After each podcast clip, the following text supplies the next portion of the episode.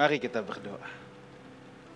Bapa dalam sorga, kami bersyukur kembali untuk kesempatan pada pagi hari ini. Kami boleh bersama-sama belajar kebenaran firman Tuhan. Bapa berbicaralah kepada kami pribadi lepas pribadi. Kami datang dengan rasa yang lapar dan haus akan kebenaran-Mu. Kami menantikan isi hati Bapa ditumpahkan di tengah-tengah kami. Dalam nama Tuhan Yesus kami berdoa. Amin. Shalom saudaraku, apa kabar?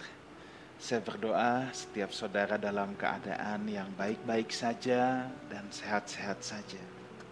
Kalau minggu lalu kita sudah belajar tentang doa, korelasinya dengan meminta, yang mendewasakan juga maka pada minggu ini, pada kesempatan ini, saya hendak membahas tentang give, tentang memberi. Topik memberi juga memiliki dua kutub yang sangat ekstrim. Kutub yang pertama, ada banyak orang tidak mau mendengarkan khotbah tentang memberi atau banyak pengajar bahkan menghindari untuk bicara tentang memberi. Kenapa? Sebab takut dikira mata duitan, takut dikira materialistis, takut dikira hendak menipu jemaah. Tetapi ada ekstrim yang satu lagi, khotbah memberi terus. Bahkan di saat-saat pandemi seperti sekarang ini, di mana banyak orang, banyak saudara-saudara kita yang sedang mengalami kesulitan. Bahkan diajarkannya memberi adalah resep khusus, resep khusus untuk keluar dari krisis ekonomi ini. Dua kutub ekstrim ini tidak tepat. Sebab pengajaran harus balance, harus mencakup keseluruhan apa yang diajarkan oleh Tuhan Yesus. Tetapi satu hal yang kita harus camkan baik-baik bahwa memberi ini hal yang sangat penting sebab Tuhan Yesus sendiri mengajarkan tentang hal ini. Itu sebabnya pada kesempatan ini yang hendak saya sampaikan adalah prinsipnya, prinsipnya. Prinsipnya memberi jelas harus. Sebab Tuhan Yesus sendiri juga mengajarkan, tetapi kita harus tahu memberi dengan benar. Bukan memberi dengan asal-asalan, bukan memberi dengan sikap hati yang salah dan kita harus tahu uh, memberi ini juga sangat penting sebab ini adalah satu dari tiga kewajiban besar mulai dari agama perjanjian lama atau agama Yahudi selain berdoa dan berpuasa. Oke. Mari kita akan masuk dalam pokok persoalan kita pada pagi hari ini. Memberi yang berkenan di hadapan Tuhan itu seperti apa saudara? Yang pertama, catat ini baik-baik. Memberi bukan untuk pamer dan kebanggaan diri. Kita harus tahu dulu ini. Ketika kita memberi itu bukan untuk pamer dan bukan untuk kebanggaan diri. Mari kita lihat Injil Matius pasal yang ke-6 ayat yang kedua. Kita akan buka beberapa ayat. Saya akan mulai dengan ini dulu. Matius pasal yang ke-6 ayat yang kedua. Ini adalah rangkaian khotbah di bukit dan Tuhan Yesus sedang berbicara tentang memberi. Jadi, apabila engkau memberi sedekah atau dengan kata lain kalau sekarang bisa persembahan, Saudara ya. Janganlah engkau mencanangkan hal itu seperti yang dilakukan orang munafik di rumah-rumah ibadat dan di lorong-lorong supaya mereka dipuji orang. Aku berkata kepadamu, sesungguhnya mereka sudah mendapat upahnya. Saudara perhatikan, janganlah engkau mencanangkan hal itu. Mencanangkan tuh apa sih saudara? Mencanangkan itu dengan bahasa sehari-harinya yang lebih mudah dimengerti. Jangan meniup trompet. Kalau zaman dulu trompet. Kalau sekarang kira-kira orang suka bilang, lu ngomong kayak pakai toa artinya gede banget sampai semua orang tahu jangan mencanangkan tuh ya kita nggak usah pakai loudspeaker kita nggak perlu kasih tahu semua orang eh aku melakukan ini loh itu yang Tuhan maksud sebab apa uh, ada motif show off di sini, ya. Ketika kita memberi, ketika kita menolong orang lain, saudara, hendaklah itu bukan untuk menjadi sebuah pujian atau kebanggaan diri kita. Ya. Sebab hal-hal seperti itu bisa menggiring diri kita tanpa kita sadar. Kita hendak dalam tanda petik, kita ingin menjadi Tuhan bagi orang lain menjadi Tuhan bagi orang lain. Jadi jelas show off pamer itu bukan motif kita. Nanti kalau kita kebablasan ini terus, tanpa kita sadar, kita senang menjadi Tuhan atas orang lain. Kita senang kalau orang lain memuji-muji kita. Kita senang kalau orang lain punya perasaan kebergantungan kepada kita ini menjadi Tuhan bagi orang lain. Ini bahaya, saudara ya. Inilah yang dilakukan oleh orang-orang munafik atau hipokrites yang sering saya katakan. Hipokrites itu pemain sandiwara, saudara, dalam teks aslinya, arti harafiahnya. Pemain sandiwara yang mengharapkan tepuk tangan dari penonton. Makanya kalau saudara lihat ayat yang sebelumnya, ayat yang pertama, ya, Ingatlah jangan kamu melakukan kewajiban agamamu di hadapan orang supaya dilihat mereka. Ada ada sebuah motif show off, ada sebuah motif untuk pamer, Saudara. Ya.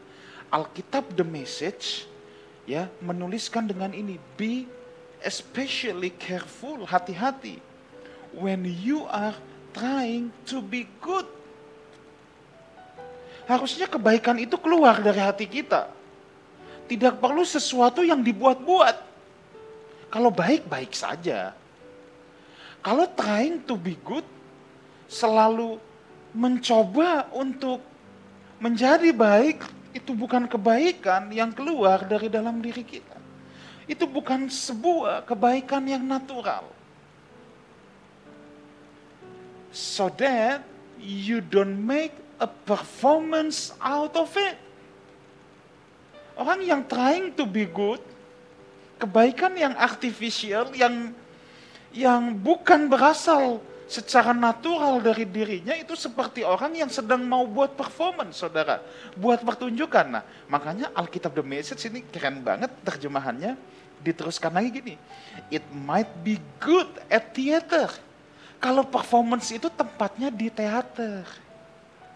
Kalau saudara pemain panggung, pemain sandiwara, yang memang kita mencari tepuk tangan penonton.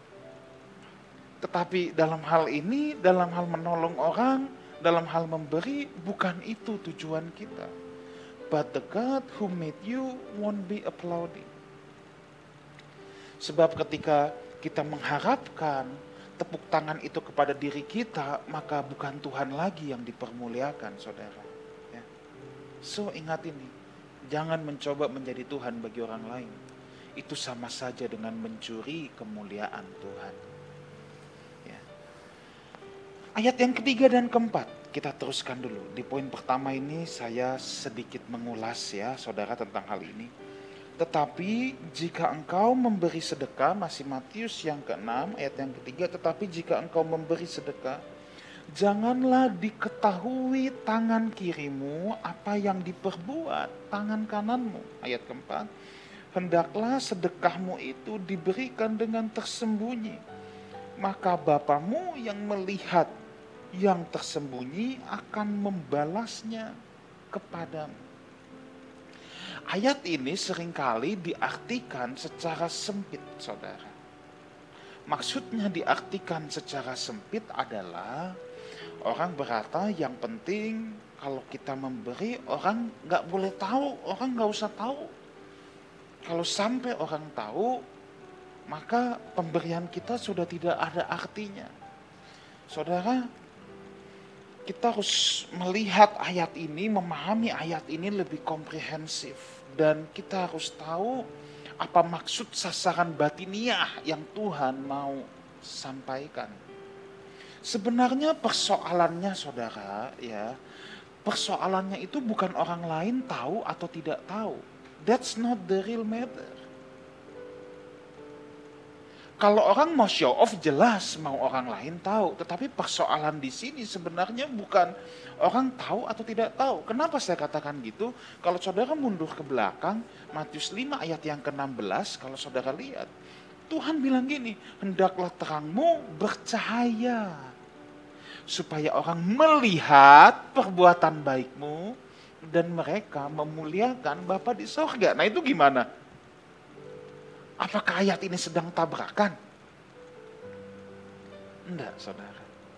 Enggak, ya. Tetapi yang menjadi persoalan di sini adalah bukan soal orang tahu atau enggak, tapi motivasi hati kita ketika kita memberi, menolong, supaya orang tahu beda sama secara natural orang tahu. Itu persoalan, itu permasalahannya. Kalau kita memberi, tulus saja. Kalau orang tahu itu masalah yang lain. Tetapi bukan sengaja supaya orang tahu, saudara. Ya, jadi jangan sampai kita memberi karena ingin dipuji. Ada orang yang diam-diam. Tapi di balik diam-diamnya itu dia sedang mempertahankan anonimitasnya. Maksudnya dia tetap mau menyembunyikan identitas dirinya, jangan sampai orang tahu, tetapi dalam hatinya dia berkata tuh, gue baik kan, gue hebat kan, ya ini sama aja saudara. Ini ini tidak lebih baik sama yang kasih tahu orang loh, asli. Ada orang yang memberi mencanangkan, satu RT tahu, satu RW tahu, kalau perlu satu kota tahu. Ada orang yang diam-diam, tapi dalam batinnya memuji dirinya sendiri. Tuh, baik kan gua? Kalau nggak ada gua, mati orang itu. Mati. Nah, sama saudara. Dua hal ini tidak berkenan di hadapan Tuhan, saudara. Ya. Jangan kita diam, ujung-ujungnya mau memuji diri sendiri. Jadi kalau di live house, ya, kalau di akhir uh, ibadah online Sunday service gini, kami menayangkan klip-klip misi. Itu bukan soal boleh atau tidaknya. Motivasinya saudara harus tahu dengan jelas. Motivasinya bukan supaya kita show off, nih live house lo baik lo, kita bikin banyak program misi, bukan itu. Tetapi yang pertama itu adalah bentuk pertanggungan jawab kami bahwa persembahan misi yang saudara berikan, yang saudara ikut pikul, kita memang salurkan. Makanya ada catatannya semua. Yang kedua, supaya saya juga hendak mengajak saudara-saudara semua, yuk kita punya belas kasihan, yuk kita punya beban untuk orang lain. Tapi jelas, motivasi kita bukan untuk dipuji. Sama sekali tidak. Kiranya Tuhan menjauhkan itu dari kita semua.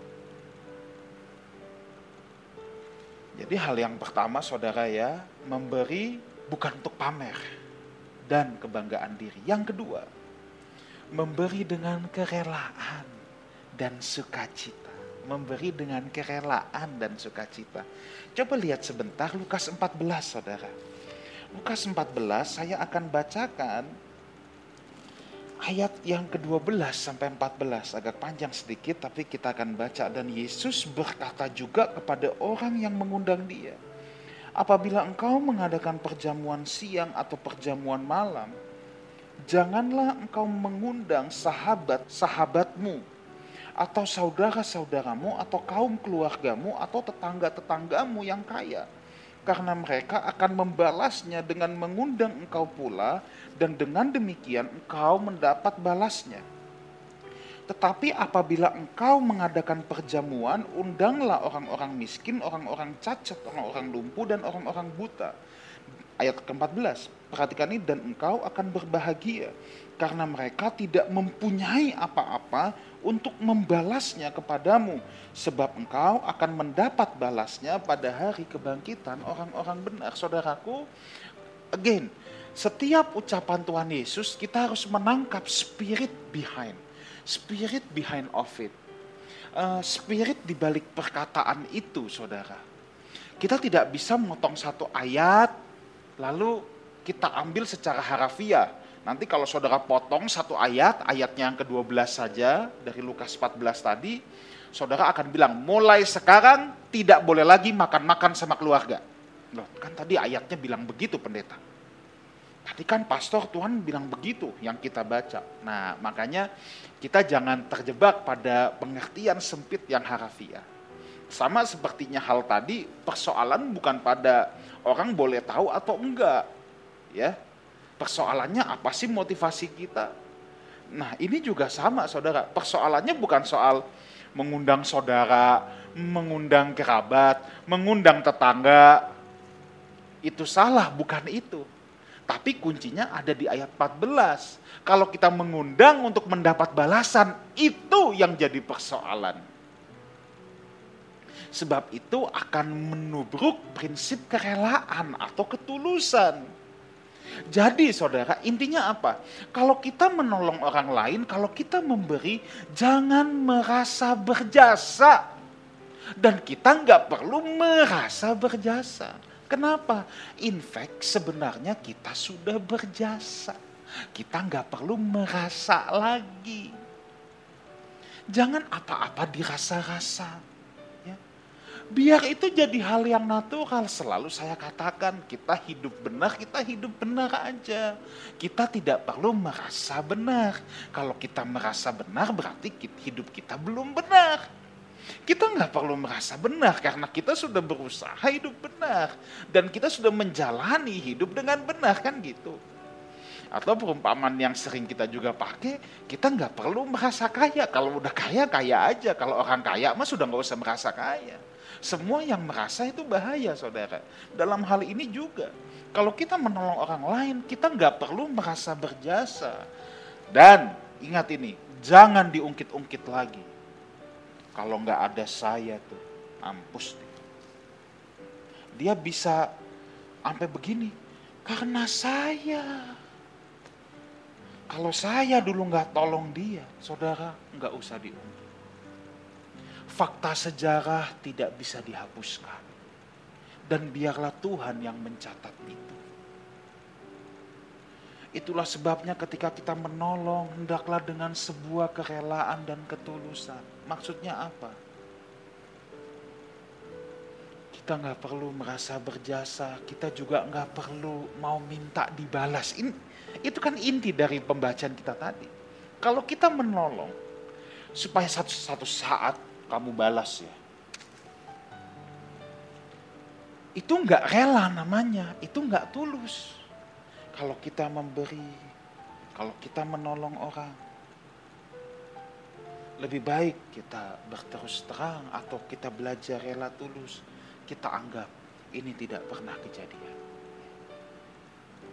Sekalipun kemudian dia tidak pernah membalas kebaikan kita, tidak masalah.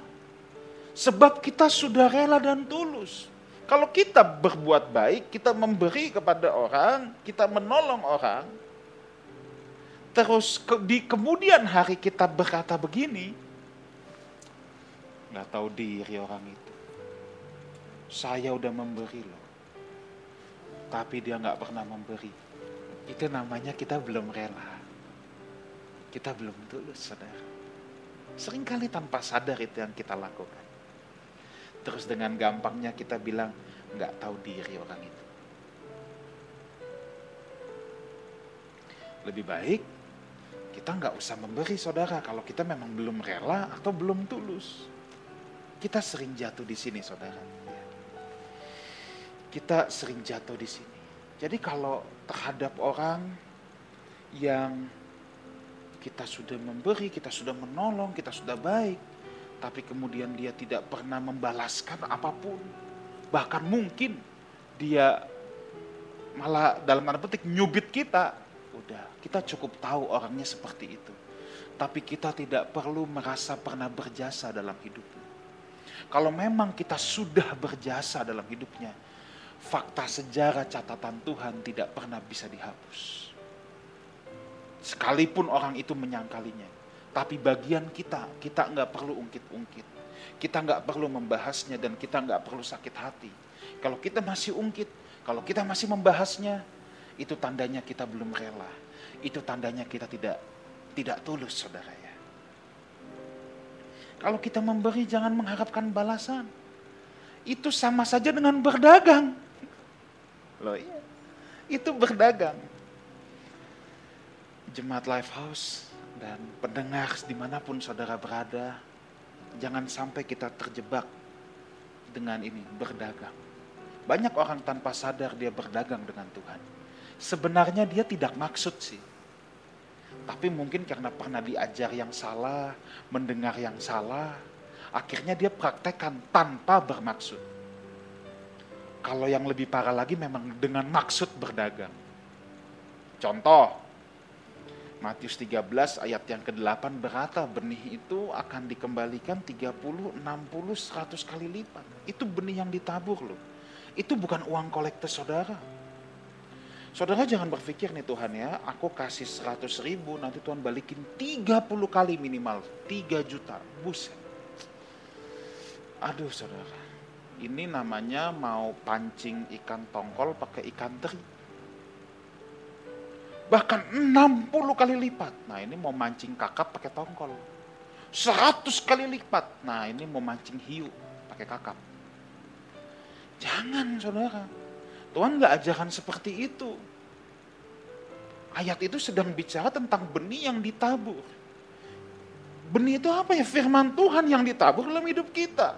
Kalau tanah hati kita seperti tanah yang subur, kebenaran firman itu akan berbuah lebat. Ini bukan bicara soal uang persembahan. Kalau kita memberi kemudian kita mengharapkan balasan 30, 60, 100, kita sedang mau berdagang sama Tuhan.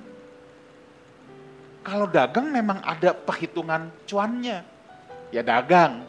Masa orang dagang gak berhitung cuan? Tapi kalau kita lagi belajar memberi ini kerelaan, ketulusan. Jangan mikir cuan. Kalau masih mikir cuan, mendingan gak usah kasih. Ya. That's why memberi yang benar adalah dengan ketulusan, dengan kerelaan. Dan saya harus mengajar untuk jemaat Lifehouse dan pendengar sekalian atau ada satu ayat lagi, misalnya Matius, uh, sorry Lukas 6 ayat yang ke-37, berilah maka kamu akan diberi suatu takaran yang baik, yang dipadatkan, yang digoncang-goncangkan sampai tumpah keluar. Ini juga bukan bicara tentang uang yang saudara berikan untuk pelayanan atau untuk orang susah atau untuk gereja atau untuk apa pun itu. Konteks ayat itu adalah menghakimi. Coba baca ayat sebelumnya dan ayat sesudahnya Tuhan Yesus sedang bicara tentang menghakimi. Makanya di ayat di bawahnya lagi ukuran yang kamu pakai sama orang lain akan dipakaikan kepadamu. Tuhan lagi bilang, cincai aja. Jangan perhitungan. Ini malah disangkutin kita memberi. Nanti yang Tuhan balikin ke kita sampai muber-muber tidak muat. Aduh, itu berdagang saudara. Dan saya harus katakan kebenaran. Saya sedang mengajak saudara memberi, tapi harus memberi dengan benar. Dengan sikap hati yang benar. Supaya pemberian kita, persembahan kita, berkenan juga di hadapan Tuhan, saudara. Jangan punya spirit berdagang dengan Tuhan. Kita memberi hanya karena kita mengasihi Tuhan dan sesama. Saya ulang lagi, kita memberi karena kita mengasihi Tuhan dan sesama. So, di sinilah baru bisa terjadi ketulusan dan kerelaan itu. Tadi saya katakan di poin kedua, memberi dengan kerelaan dan sukacita. Coba kita lihat 2 Korintus 9 ayat yang ketujuh sekarang. 2 Korintus 9 ayat yang ketujuh hendaklah masing-masing memberikan menurut kerelaan hatinya. Jangan dengan sedih atau karena paksaan. Lihat ini, ada kata kerelaan ya, jangan sedih, jangan terpaksa. Sebab Allah mengasihi orang yang memberi dengan sukacita, a cheerful giver. Makanya memberi dengan kerelaan dan sukacita. Jangan terpaksa. Jangan bersungut-sungut. Ketika kita mau menolong orang, kita jangan bilang, amsyong dah gua. Mesti nolong dia lagi. Benar-benar amsyong ini. Loh, lebih baik jangan saudara. Sebab pemberian, kebaikan yang kita lakukan terhadap sesama akan berkenan di hadapan Tuhan. Sebab Allah mengasihi orang yang memberi dengan sukacita. Kalau kita memberi, kita bersungut-sungut. Duh, memberi lagi. Duh, nolong orang lagi. Gak tahu, gue ini juga susah. Oh, kalau saudara merasa saudara sedang susah, it, it's okay. Kalau saudara lagi suasana hati belum mendukung itu, suasana hati saudara, aduh lebih baik Jangan saudara. Daripada kita memberi tapi kita bersungut-sungut. Luar biasa. Jadi tadi yang pertama memberi bukan untuk pamer dan kebanggaan diri. Hal yang kedua memberi dengan kerelaan dan sukacita. Saya berdoa supaya Life was Family ketika kita memberi menjadi orang-orang yang memberi dengan kerelaan bukan dengan spirit berdagang kita memberi dengan sukacita, bukan dengan bersungut-sungut. Ya. Hal yang ketiga yang terakhir, memberi dengan spirit ini yang terbaik atau spirit giving the best. Saya beberapa kali mengutip hal ini dan saya harus kutip lagi. Orang Majus mencontohkan ketika dia datang kepada bayi Yesus dia membawa persembahan. Orang Majus ini orang kafir entah dari mana, dari timur saudara. Tetapi dia tahu akan hal ini, dia memiliki spirit giving the best. Giving the best. Kenapa? Sebab orang Majus membawa persembahan yang sudah dipersiapkan dari jauh-jauh Sebab ketika dia bertemu dengan bayi Yesus, Alkitab berkata, lalu mereka membuka kotak harta bendanya. Berarti suatu hal yang telah dipersiapkan, suatu hal yang telah disisihkan, bukan disisakan. Disisihkan, bukan disisakan lalu ini pasti berharga makanya ditaruh di tempat harta benda. Selalu saya bilang kalau saudara punya safe deposit box di rumah saudara pasti taruh hal-hal berharga surat berharga dolar batangan emas di dalam safe deposit box itu. Gak mungkin saudara taruh kecap merica garam di sana. Sebab itu gak berharga saudara. Itu sebabnya pemberian yang terbaik yang bisa kita berikan sama Tuhan adalah hidup kita. Bukan sisa-sisanya, tapi yang terbaik. Makanya Alkitab juga berkata, persembahkanlah tubuhmu sebagai persembahan yang kudus, yang hidup dan berkenan di hadapan Allah.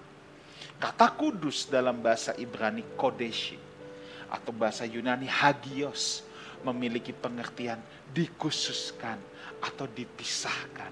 Makanya gini, Tuhan mau yang spesial. Tuhan tidak mau yang sisa. Kudus artinya kalau kita mempersembahkan hidup kita, kita persembahkan tubuh kita untuk Tuhan, kita tidak boleh join pakai dengan percabulan. Kalau kita memberikan tubuh kita untuk perjinahan, lalu kita bilang, Tuhan inilah hidupku kita memberikan yang sisa. Tuhan tidak mau yang sisa. Tuhan mau yang dikhususkan untuk dia. Ya, Tuhan mau yang dikhususkan. Dan hal ini berlaku pada segenap aspek hidup kita. So, persoalannya bukan lagi berapa persen aku harus memberi. Tetapi kita harus bergumul. Tuhan berapa yang ingin uh, aku sisihkan, berapa yang Tuhan ingin aku sisihkan. Dan untuk apa saja Tuhan? Untuk apa saja? Kita harus serius mempergumulkan itu. Dan tentunya dengan spirit ini, giving the best. Aku mau berikan yang terbaik untuk Tuhan. Saudaraku, kita hanya bisa memberi dari apa yang ada pada kita. Dan apa yang sedang dipercayakan kepada kita. Saya ulang lagi, kita hanya bisa memberi dengan apa yang ada pada kita, sebab kita tidak bisa memberi dengan apa yang tidak ada pada kita. Dan apa yang sedang dipercayakan kepada kita. Ingat perumpamaan di Lukas 16 tentang bendahara. Kita adalah bendahara. Segala sesuatu yang kita punya semuanya titipan Tuhan. Iya. Itu belum milik abadi kita. Saudara mungkin bisa punya deposito rumah, pabrik dan lain sebagainya. Itu hal yang Tuhan titipkan kepada saudara. Itu hal yang Tuhan sedang titipkan.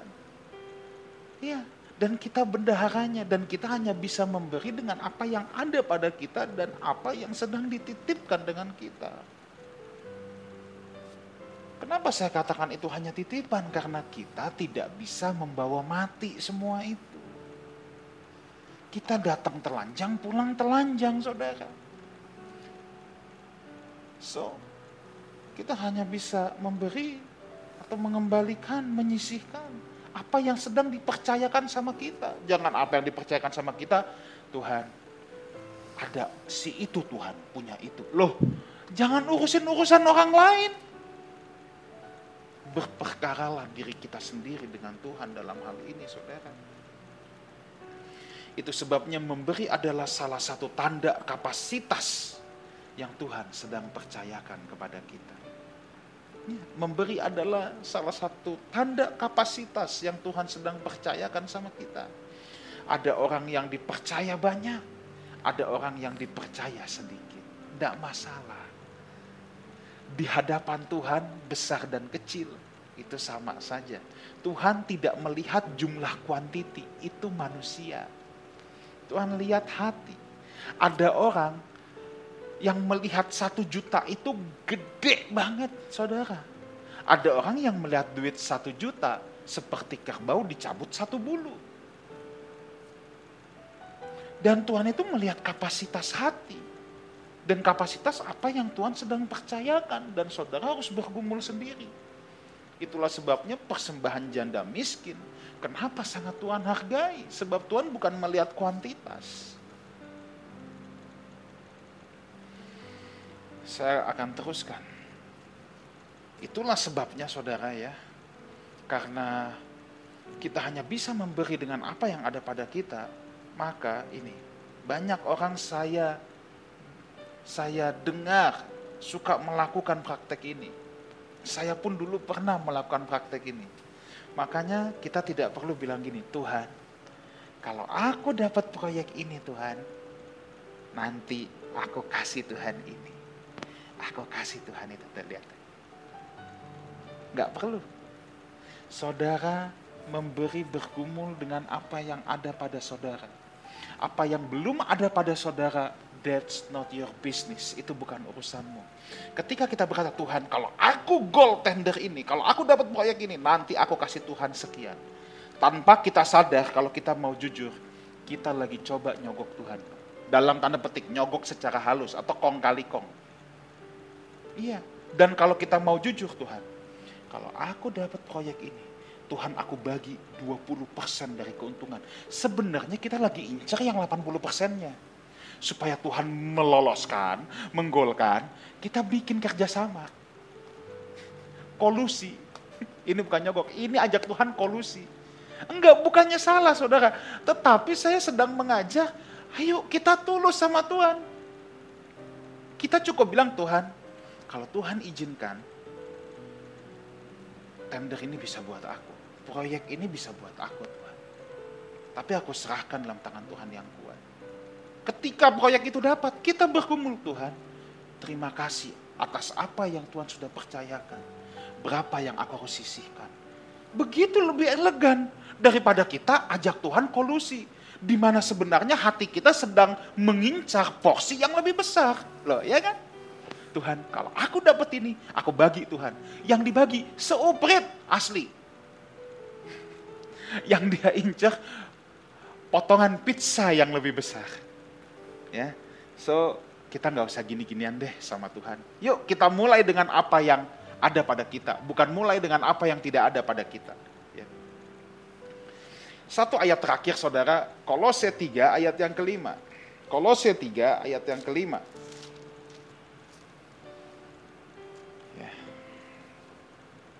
Memberi juga mengajar kita untuk memiliki rasa cukup dan tidak serakah. Kolose 3 ayat 5. Karena itu, matikanlah dalam dirimu segala sesuatu yang duniawi, yaitu percabulan, kenajisan, hawa nafsu, nafsu jahat, dan juga keserakahan tapi catat ini, yang sama dengan dengan penyembahan berhala. Rupanya dosa keserakahan, kata uh, kitab Kolose bilang, sama dengan penyembahan berhala.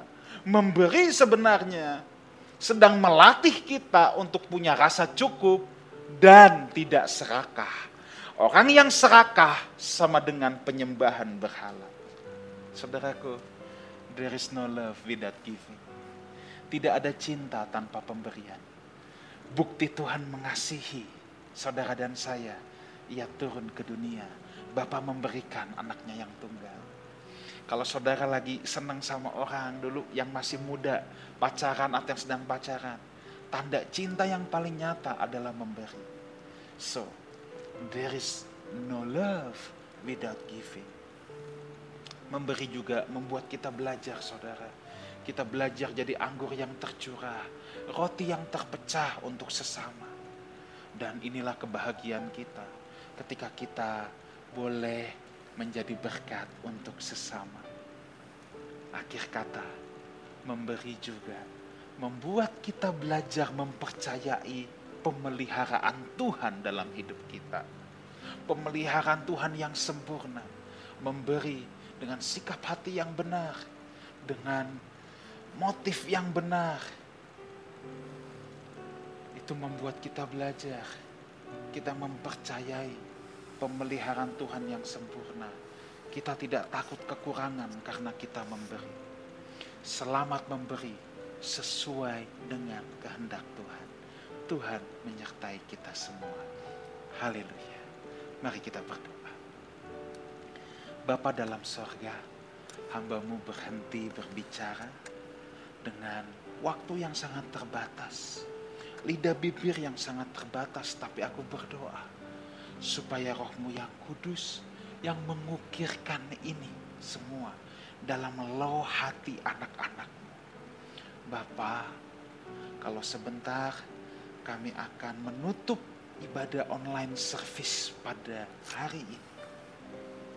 Kami bersyukur untuk didikan ajaran nasihat dari Bapak dan sekarang angkatlah kedua belah tanganmu dan terimalah berkat Tuhan. Kiranya Tuhan memberkati keluargamu. Tuhan memberkati keluar masukmu.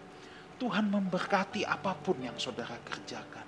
Sebab saudara kerjakan itu untuk kemuliaan nama Tuhan. Dan biar kiranya berkat dari Allah Bapa, cinta kasih-kasih karunia dari Tuhan kita Yesus Kristus dan persekutuan yang indah dan yang manis dengan Roh Kudus menyertai kita semua sampai Maranatha.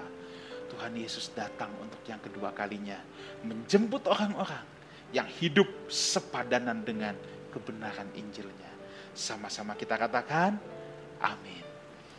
Happy Sunday, Tuhan menyertai kita semua. Haleluya.